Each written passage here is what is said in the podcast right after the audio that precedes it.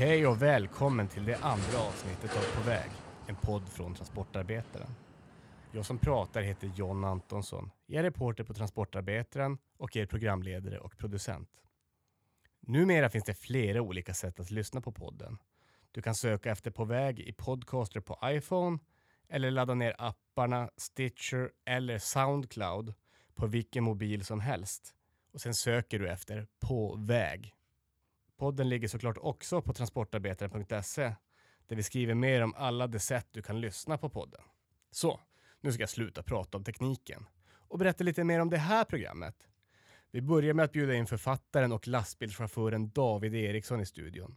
Om du läser Transportarbetaren känner du igen honom som en återkommande krönikör. I vårt snack kommer vi att prata böcker, chaufförsjobb, solidaritet på vägen och maffians hot. Efter honom läser Kristina Alund upp de hetaste nyheterna från Transportarbetarens webb. Nu kör vi! Jag skulle vilja hälsa David Eriksson välkommen in i studion. Kan du berätta för mig, vem är du? Ja, jag är David Eriksson då. Jag är lastbilschaufför och eh, författare. Så att, eh, och jag har skrivit fem böcker som har kommit ut. Och eh, så kör jag lastbil, kör långtradare nu på halvtid till Holland ifrån Södertälje åt Scania. Ja, och vad gjorde du till exempel förra veckan? Då var det körde jag två, tre svängar till eh, Köpenhamn. gjorde jag. För att eh, vi delar upp körningarna. Vi, vi byter av chaufförer då ibland när vi kör till Holland. Så då, förra veckan var det bara till Köpenhamn. Nästa vecka ska jag köra helsväng då till Svolle i Holland till Scanias sammansättningsfabrik där. Så att, hur, hur, hur länge tar det att köra till Holland? Fram och tillbaka tar det fyra dagar. Och då kör du från, eh, eh, från Södertälje, Scania-fabriken där. Och så, när, när tar du första stoppet? Eh, neråt Jönköping tar jag det. Götaström brukar jag ta första rasten. Och så ligger du över i? Ja, ja vi har ett boende då i, i Köpenhamn, Ishöj. Så att eh, vi kör ner och så bilarna, det är testverksamhet för Scania samtidigt som vi transporterar gods då till sammansättningsfabriken i Svåle. Så att eh, bilarna rullar dygnet runt. Så när jag kommer ner på kvällen då är det en chaufför som har sovit under dagen som kör bilen vidare under natten. Då. Så, så nästa dag då, när jag har sovit då kommer det en bil som har gått under natten ifrån Södertälje ner till och då tar jag den och kör ner den till Holland. Så att bilarna rullar eh, mellan 40 och 45 000 mil om året då, alla dagar. Och det här är alltså helt nya bilar då, som inte finns på marknaden än oftast? Eller? Jo, då, de finns på marknaden men det är ofta nya detaljer i dem som man testar. Va? Det kan vara ja, något, något nytt eh, system, någon, något nytt i motorn eller så. Vi testade ju Euro 6-motorerna länge till exempel innan de kom ut på marknaden. Och, ja, det är både sånt som är på marknaden och som inte är. Det är också långtidstester. Att man, några bilar går ju uppåt 150 000 mil i den här trafiken. Vad körde du för bil förra veckan till exempel? då? Uh, ja, det var en V8 faktiskt. Den, den, bland annat. Det var, det var ju flera olika bilar. Och sen, sen var det en mindre bil som var mer som en distributionsbil då, fast den var dragbil. Som jag körde. Sen kör vi konkurrentmärken också. Så Volvo och eh, Mercedes och MAN kör vi för att jämföra då. Vilka tycker du är bäst då? Ja, nej, men jag tycker nog bäst om Scania faktiskt. Det, det beror lite på hur de, hur de är utformade också. Volvo är en väldigt bra bil men eh, det där är en förarstol som är så värdelös. Jag fick ryggskott sist jag körde den. Men vad, vad föredrar du? För ibland, vissa veckor kör du Oskarshamn och sådär också. Va? Föredrar du att ligga ute jättelänge eller? Ja, ja det, är, det, är olik, det är väldigt skönt att komma hem varje kväll. Det är det. Så att eh, det, det har jag tar det som kommer faktiskt. Jag har inte så mycket åsikter om det utan det är ju roligt att åka ner till Holland också naturligtvis. Men du är bemanningsanställd, eller hur? Ja, det är jag. Hur kommer det sig? Ja, de har en viss mängd folk som är bemanningsanställda på Scania och, och eh, Sen efter ett tag så kommer man ju in i själva, blir man ju anställd av Scania just. Men eh, då har jag halkat mellan stolarna ett par gånger och sen har det bara blivit så. Så att just när de har tagit in folk då så har jag bytt lag till exempel. Vi kör ju i lag. Så då har jag liksom halkat mellan stolarna och nu tycker jag det är väldigt bra att vara bemanningsanställd just för att just nu jobbar jag halvtid då. Så att jag kan styra lite grann själv. Och du jobbar halvtid för att du, du skriver den andra halvan, kan man säga så? Ja, just det. Det gör jag. Oh, ja. Men då måste jag fråga, du, du etablerad författare, skriver fem böcker och en sjätte på gång sakta men säkert, förstår jag? Ja, just det. Hur kommer det sig att du fortsätter köra lastbil år efter år? Och det har lite med friheten att göra. Jag vill inte vara beroende av skrivandet. Eh, så att man alltid liksom måste ligga på. Utan jag vill skriva när jag har något viktigt att säga. Och då, ju, då har jag ju tryggheten i lastbilsjobbet. Då. Och sen har jag inget emot att jobba och köra lastbil. Många författare de vill ju lämna eh, arbetslivet så fort som möjligt och bara skriva för att vara författare. Men för mig har det ingen riktig poäng utan just att bara kunna säga sig vara författare är inte så viktigt för mig utan det är att jag när jag verkligen har något att säga vill jag skriva. Så då, då blir det så här. Tidigare har jag väl jobbat med att jag har kört i tre månader eller sex månader och sen skrivit i sex månader. Men nu har det blivit så att jag delar schema med en annan kille så att då blir det varannan vecka. Hur kommer det sig att du skriver? För att jag kan. Eh, jag kommer ifrån en skrivande familj. Min pappa var journalist på Svenska Dagbladet. Så att jag har med mig första artikeln jag skrev var, var jag åtta år. Den publicerades i Svenska Dagbladet och den handlade om spårvagnarna som de skulle lägga ner i Stockholm. Så att jag har det lite grann i blodet. Samtidigt som jag inte tycker att det är så märkvärdigt egentligen att skriva. Men man har alltid hört och, och läst och, och de, de, var mycket poesi och så hemma så att jag har det lite grann i blodet tror jag, skrivandet. Så sa du att du, du, skriver när du har någonting att berätta. Hur, hur kommer den känslan att det här vill jag berätta? Hur kommer den till dig så att säga? Förstår du vad jag menar? Ja, nej men det finns ju oerhört mycket att berätta. Alltså det finns ju, de säger det att varje människas liv är en roman, säger man. Och jag, jag träffar ju mycket människor överallt. Så att, eh, ja, det, det är sånt som jag tycker är värt att berätta. Situationer och livet rullar ju bara på. Och, och sen försvinner det. Sen men om man kan skriva kan man ju också bevara någon, någon liten bit av, av verkligheten. Och det kan ju också vara, finnas politiska skäl att berätta eller till exempel det här då med hur folk blir utnyttjade, utländska förare och så. Det har jag ju skrivit en bok om. Och, och om hur maffian ibland kan kliva in i, i arbetslivet. Det kan ju vara viktigt att berätta i bokform. Då, då blir det ju lite thrilleraktigt som i Taxfree. Då, så att, eh, man kan väl säga att, att jag inte bestämmer riktigt vad som ska berättas utan berättelserna kommer till mig. Va? när jag förberedde den här intervjun så, så började jag tänka på, jag, jag har läst en av dina böcker, eh, Truckstop, som är en novellsamling. Jag, jag sa det till dig tidigare innan vi gick in här i studion. Och jag kommer ihåg, jag tror det är den första novellen där det är ett par kollegor som pratar om en långkörning de ska göra som, de sen, som sen kommer igång och så blir det dåligt väder och sådär. Minns du vilken novell jag pratar om? Ja, det är första novellen i Truckstop tror jag. Eh, men nu kommer jag inte ihåg vad den hette. Den kom ju 99 så det är ett tag sedan. Men det var första novellen i alla fall. Och vad är det som händer? Det, det, blir, det regnar och snöar och... Ja. Och, och, och, så sen så tänker jag, som nu, dumt egentligen att ta ett så gammalt exempel, men eh, bara för att förstå vad som händer, hur du jobbar som författare. När du skriver en sån historia, är det baserat mycket på saker som du har sett och upplevt i verkliga livet? Ja, det är det absolut. Just den där berättelsen är väldigt sann.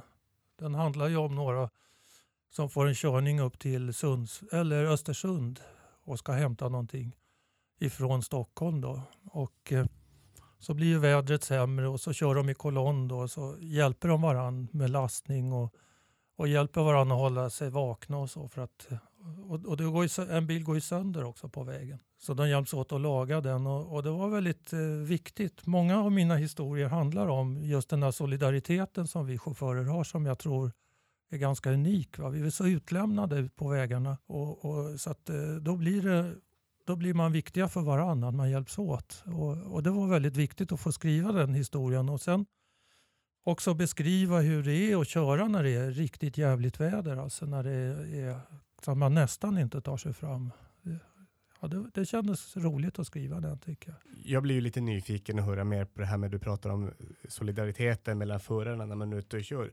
Hur, hur kommer den sig till uttryck om du förstår vad jag menar? Ja, man håller ju lite rätt på varandra så att om någon står efter vägen så stannar man ju såklart och, och, och, och kollar vad det är, om det är något, om det är bromsar som har låst sig eller, eller vad det kan vara. Den, den eh, solidariteten är ganska stark. Sen har vi ju eh, det här Här stannar Sverige som eh, med den här eh, utländska chauffören som hade åkte dit utan eh, körkort då, i Sundsvall, Makedonien som eh, hade fått köpt körkort och alla behörigheter på en polisstation. Och det gillade ju inte vi som har betalat för våra körkort. Liksom. Och då hade vi ju det här att vi stannade var, en kvart varje, två gånger om dygnet då, klockan 12 och klockan 24. Och det var, var väl en väldigt stark solidaritetshandling tycker jag. Och det gick ju upp i hovrätten också. Då blev han ju faktiskt dömd. Så att, eh, ja, det, det är på många plan. Alltså. Det, det är en känsla mer än, än, eh, än man kan sätta fingret på i vilket läge den där solidariteten inträder. Men, eh, men jag menar att det, de säger att den är på väg bort, men jag jag håller inte med om det riktigt. Om du menar, är på krogen eller vad som helst och så frågar någon vad jobbar du med? Vad, vad, vad svarar du först då? jag svarar att jag kör lastbil. Det är för att det är det du identifierar dig mest som, lastbilsförare? Nej, det är inte därför, utan det är därför att om jag säger att jag är författare då, då frågar alla vad skriver och så ska man förklara vad man skriver och vilka ämnen. Och, och det, blir så, det är roligare nästan att prata om chaufförsjobbet. Tycker, eller enkla, en enklare ingång om det är någon man inte känner, tycker jag. Det blir lite, folk liksom ryggar tillbaks lite när man är författare och tycker det är lite konstigt och så. Men eh, sen efter en stund så är det klart man pratar om det också. Men just det första grejen, det är chaufför. Du är en så kallad arbetarförfattare. Kan du berätta för mig, vad, vad, är en arbetarförfattare? Ja, det är andra som säger att jag är det, men, men det får alla får gärna kalla mig det. Det jag har inget emot. Men eh, jag menar inte att det behöver vara mer intressant att berätta om arbetaren om till exempel en överklasskvinna eller överklassman. Utan det är själva livet, själva berättelsen om livet som är viktig. Men sen kan man ju tycka det att det skrivs ju väldigt lite om chaufförer. Jag menar, det, skulle man gå efter litteraturen skulle ju de flesta människor vara psykologer eller journalister. Men eh, det skrivs ju väldigt lite om chaufförer. Så att, eh, eller arbetare överhuvudtaget. Så på det sättet är det ju bra att vara arbetarförfattare. Men det man kan säga om det, det är att en arbetarförfattare har klassperspektivet framför sig. Alltså man, man, ser att, man ser att folk har olika situationer beroende på till exempel vad de sysselsätter sig med i samhället. Och det där är ofta ganska bra för det skapar ju spänning i en berättelse att det, att det finns klassmotsättningar till exempel mellan cheferna och de anställda eller mellan de som lever i olika situationer. Just klassaspekten, det, det är en arbetarförfattares eh, grej lite grann att skildra. Så, så det är väl den, den, stora skillnaden, tycker jag. En sak som slår mig just nu, det är, vi är ju såklart alla olika som människor, men när jag kommer hem från jobbet, och så, om det är någon på besök och så frågar de mig, hur har du haft det på jobbet idag? Och det är den värsta frågan jag vet, för att ja. när jag har jobbat och kommer hem så vill jag koppla av. Jag vill inte tänka på jobbet överhuvudtaget. Eller när man är på en fest så ska folk fråga om jobbet och så vidare. Och så väljer du att varannan vecka när du inte jobbar skriva om att jobba. Du har inte den känslan alls eller att du inte vill tänka på jobbet? Nej, men jag skriver ju inte om att jobba just utan det, det som jag skriver om är ju eh, behovet av att berätta en vacker historia mer, tycker jag. Jag tycker att, eh, att, om, att liksom berätta en, om kanske kärlekshistoria eller, eller så det, det är ju det. Men jag är ju på jobbet däremot hela tiden. Det, det är däremot lite jobbigt för att eh, när jag kör lastbil då är jag på jobbet såklart. Men när jag är hemma då är jag också på jobbet när jag skriver. Och, och det där jobbet det lämnar en aldrig riktigt. Det där skrivjobbet då. Utan det, det, det, det är liksom ingen man går hem ifrån och sen är det mors utan man lever med det tycker jag. Om man kanske har skrivit någonting lite känsligt då kan man ju vakna upp mitt i natten och undra vad som ska hända och så. Plus att jag har ju skrivit om maffia och sånt och då har de ju hört av sig dessutom. Så att... Har de det? Ja visst, jag skrev i Transportarbetaren skrev jag om ett åkeri som heter Willy Betz i Tyskland. Och eh, sen har jag skrivit om eh, just eh, fattiga chaufförer som kör i, i, i Sverige och så. Och då har, har ju, jag har aldrig fått något direkt hot men de har ju visat att de, de har ju ringt hem till exempel till min dotter och, och sagt att jag ska låta bli med vissa saker och så. Men det är länge sedan nu. Men eh, sånt händer. Det händer nog, eh, tror jag, de flesta journalister någon gång. Men vad händer med en själv då när man får vara med om något sånt där? Hur reagerar du då? Ja, man ser sig om hela tiden. Det gör man och det är meningen, det är det de vill. De hade dessutom en, ett skugg, att de skuggade mig då. Och, och bara för att visa att de inte gillade det man gjorde. Så att, eh, det är väldigt otrevligt. Det är det och det påverkar enormt mycket. Och, och då var jag ju ändå väldigt lindrigt utsatt jämfört med vad folk kan vara. Så att de, det är den där ovissheten att man inte vet vad som händer nästa gång, nästa steg. N när var det här, bara så att vi vet ungefär vilken tid vi pratar om? Ja, det var runt 2000 ungefär. Sen skrev jag en bok då, Taxfree, för att eh, och rota i sådana olagligheter eh, är lite för stort för en sån liten människa som mig och en sån liten redaktion också som transportarbetaren då kände jag. Så att, eh, sen skrev jag en bok istället, en thriller om, det, om, om den här situationen. Då. Fast jag, ja, jag ändrade ju naturligtvis en massa saker men det kändes väldigt bra för då fick jag beskriva det och den har ju, var ju väldigt, har ju sålt väldigt mycket då, Taxfree. Så det är många som har läst den. Nu måste jag motvilligt erkänna att jag har tyvärr inte läst den. Den står i min bokhylla sedan tio år tillbaka, men som du säkert vet, du som gillar böcker, att det, det står alltid några fler där än vad man har hunnit med. Ja. Eh, jag tänker så här, vi har ju pratat lite grann om att skriva och, och, och jobba och, och sådär. Då tänker jag att om någon lastbilsförare eller någon som jobbar med någonting annat funderar på att kanske jag ska börja skriva. Vad tycker du att man ska tänka på då? Hur, hur ska man göra för att komma igång? Ja, jag tänker frihet. Det är väl det första jag tänker på. Jag började ju själv skriva. Jag hade ju absolut, eh, jag kan ju bara nämna det, min pappa var ju journalist och han kallade sitt arbetsliv för 40 förlorade år med dagspressen. Så att han inspirerade ju inte precis till att jag skulle skriva så. Men eh, så att jag började inte skriva förrän jag var över 30, 33 kanske eller någonting. Och då började jag med att skriva dikter på motorhuven. Och, och dikter är så bra, poesi är så bra för den är absolut fri. Va? Du kan skriva precis vad du vill. Det, det, det finns inga, inga mallar, det kan bestå av punkter och prickar eller bara stora bokstäver eller vad som helst. Så det började jag med att skriva, mest för att hålla mig vaken då när jag körde på nätterna. Så, så skrev jag dikter då. Jag såg ju inte vad jag hade skrivit sen när jag tittade på det, men i alla fall. Så det var så jag började skriva. Så att en absolut frihet. Ingen som tittar över axeln.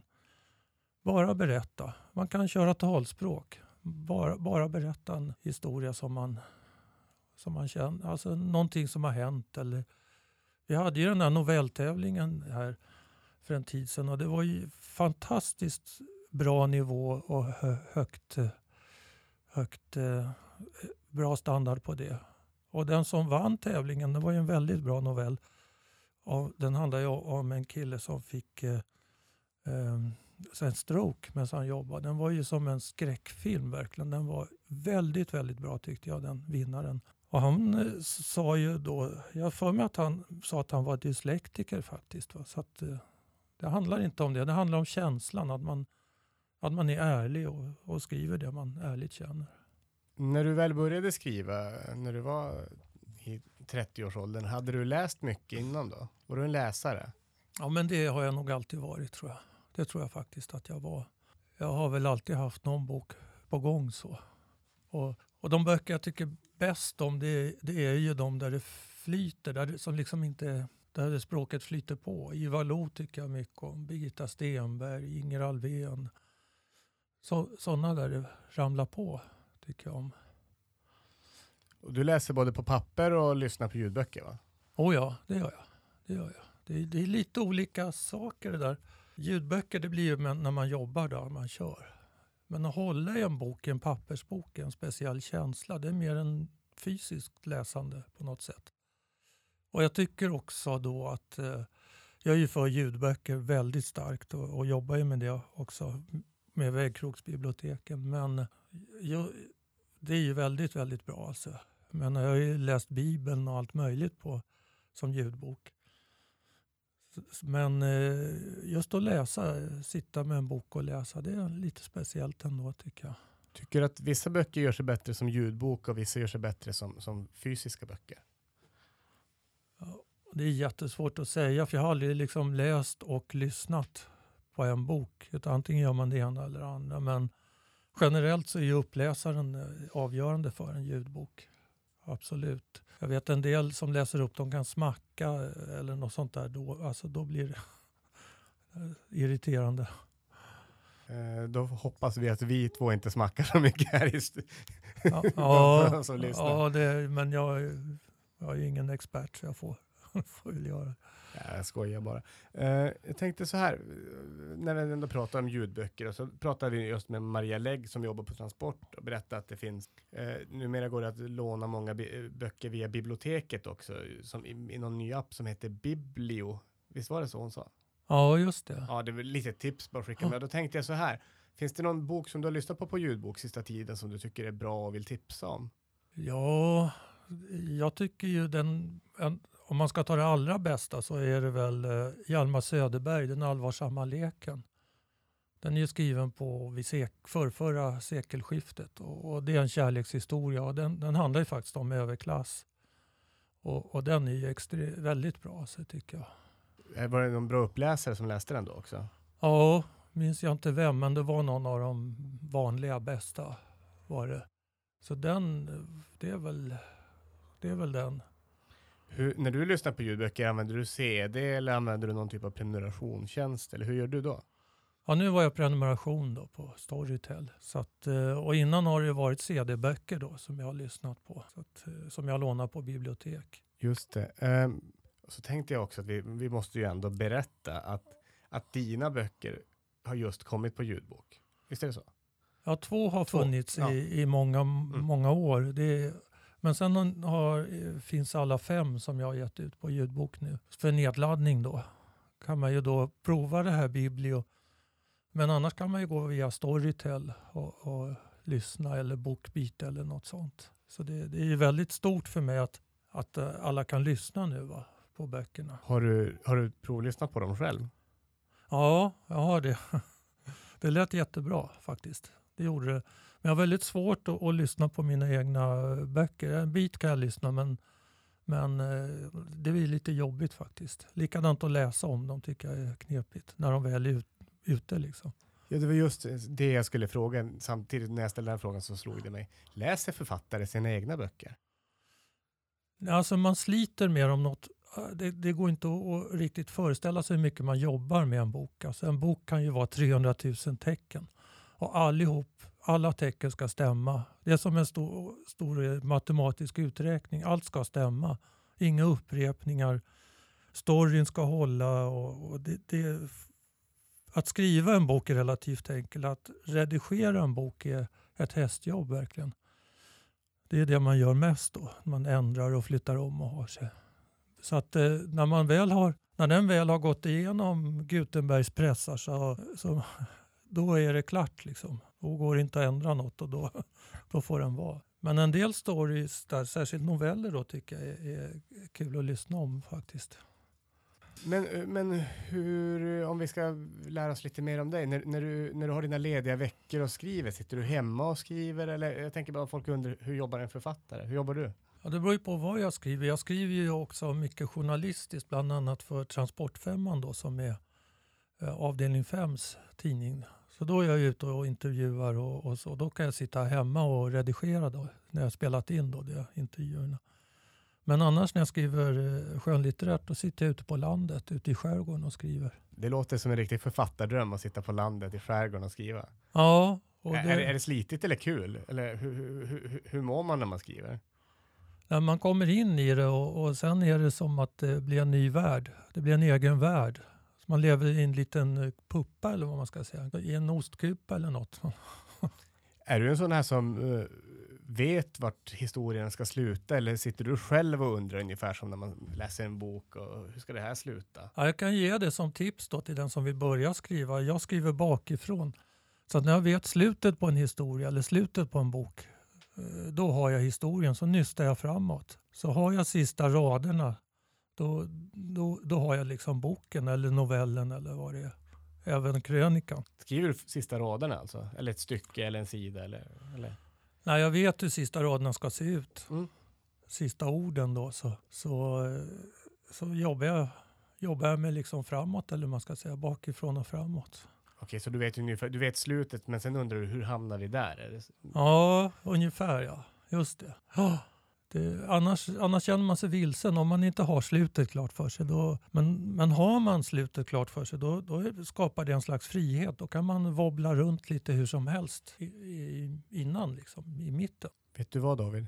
Nu har jag tagit upp ungefär en halvtimme av din tid och jag tror att det är alldeles, alldeles utmärkt. Är, är det någonting jag, viktigt jag har glömt att fråga dig om som du vill prata om som jag har missat av någon dum anledning? Oj, det var en stor fråga. Nej, det, det är väl bra. Det känns bra så här tycker jag. Men, men det är väldigt roligt att det uppmärksammas tycker jag det här. Framförallt med ljudböcker då. Att det, det, är väl, det kan jag väl säga att det är väl eh, en stor sak hos Transport att vi startade de här vägkrogsbiblioteken. Då. Och det har varit väldigt roligt att vara med om och det har ju gett ringar på vattnet verkligen. Med mycket tv-reportage och, och allt och det, det är väldigt bra för, för läsningen tycker jag. Att, att ett fackförbund engagerar sig så i det. Varför tycker du att det är viktigt att läsa måste jag fråga då? Jo, man får, man får ett slags överblick tycker jag. Och, och, och, man får insikt om saker man inte visste om på ett lite djupare sätt. Va? Det fastnar bättre än om man ser en tv-film eller så. så jag, jag, tror det är väldigt uh, bra att läsa. Och man, det är så mycket som aldrig skulle finnas kvar om, om, om böcker, om man tänker sig att böckerna försvann. Är, man kan ju säga att en bok det är ju ingen dokumentär oftast, om det inte är en, doku, en dokumentärbok, utan det är ju mer en känslomässig dokumentär. Alltså det, det som är äkta i en bok är egentligen känslan va? Och, och självupplevt allt. Det, det, kan man alltid lita på. Men sen att händelserna som är i boken, det kanske inte alltid är är exakt så det var. Så därför är det viktigt att man läser att böcker finns och att vi... Eftertanken kan man säga. Där tror jag det var ett helt perfekt läge att sluta. Med ordet eftertanken. Tack så mycket för att du kom hit David. Ja, tack för att jag fick komma. Jag vill hälsa Kristina Alund välkommen. Välkommen. Tack så mycket. Du fick presentera dig sist, men kan vi ta det en gång till? Jag är redigerare på tidningen Transportarbetaren, så det är jag som gör tidningssidorna. Tack. Nu ska du läsa några nyheter och vi gör helt enkelt så att jag håller käften tills du är klar med dem. Tack så mycket. Då så. Nytt taxiföraravtal dröjer. Den här veckan har Transport och biltrafikens arbetsgivareförbund fortsatta överläggningar om ett nytt avtal för taxiförarna. Det går långsamt framåt, men vi är nog inte klara förrän tidigast vecka 43, säger Transports förhandlare Lars Mikaelsson.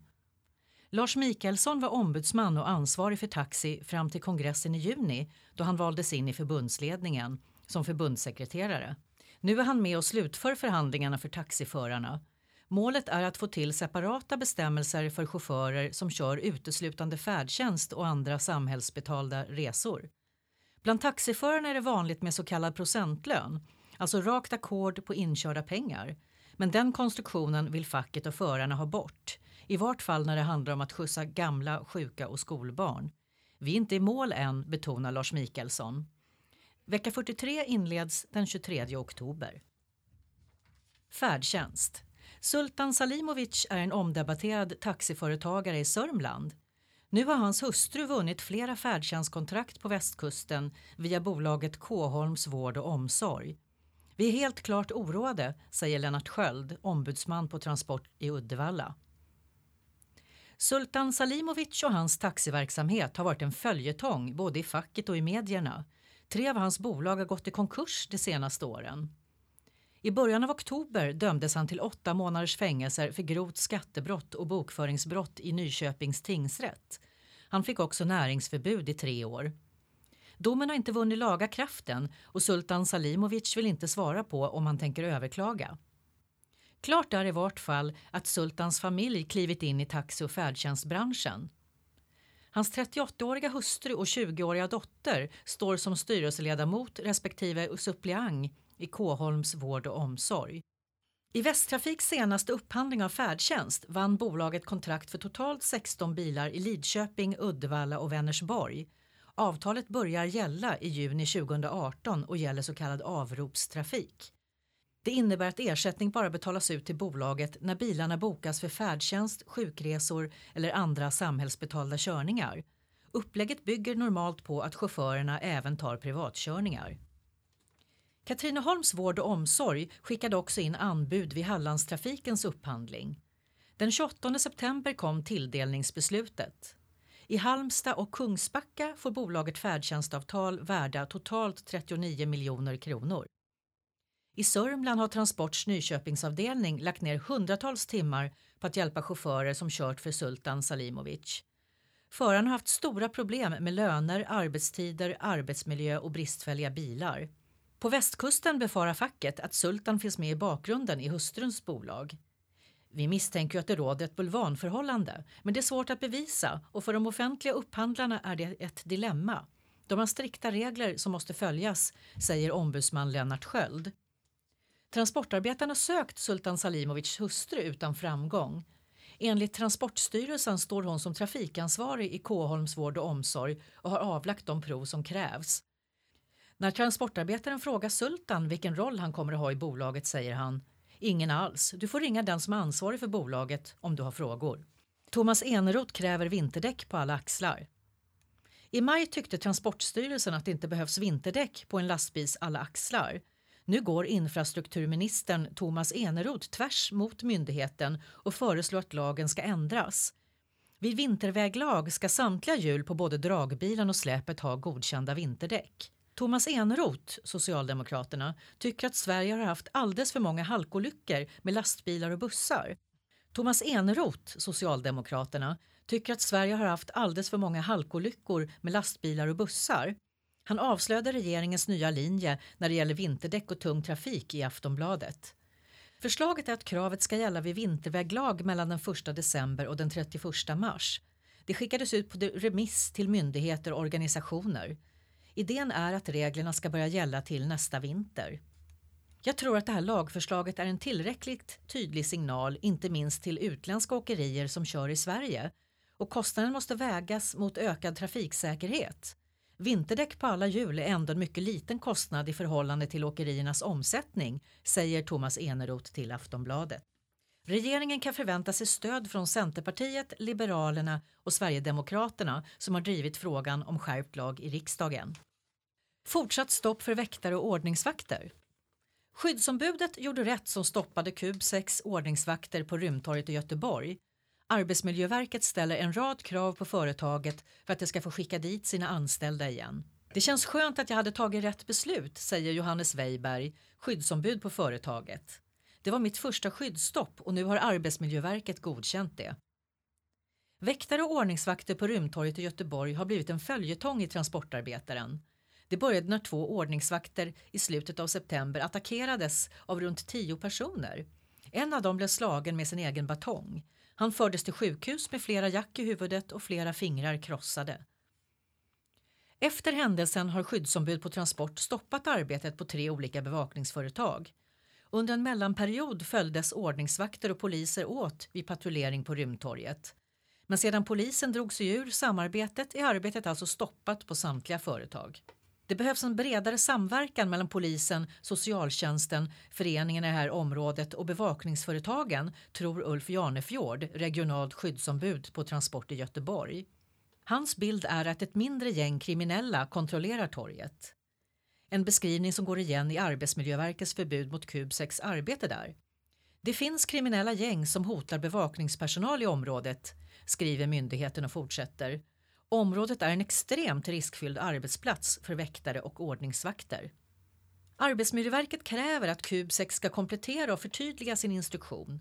Bland annat ska personalen använda den tekniska utrustning som kan behövas få tydligare instruktioner i förväg och avlastande samtal efter arbetspassen. Fortfarande gäller skyddsstopp för väktare från Nokas, liksom skyddsstopp för ordningsvakter på PSG Bevakning, lagt av Transports Ulf Jarnefjord. Där pågår en skriftväxling mellan företaget med Arbetsmiljöverket. Och med det vill jag tacka dig Kiki. Du läser verkligen nyheter som du inte har gjort någonting annat. Det har jag inte heller. Tack ska du ha. Tack.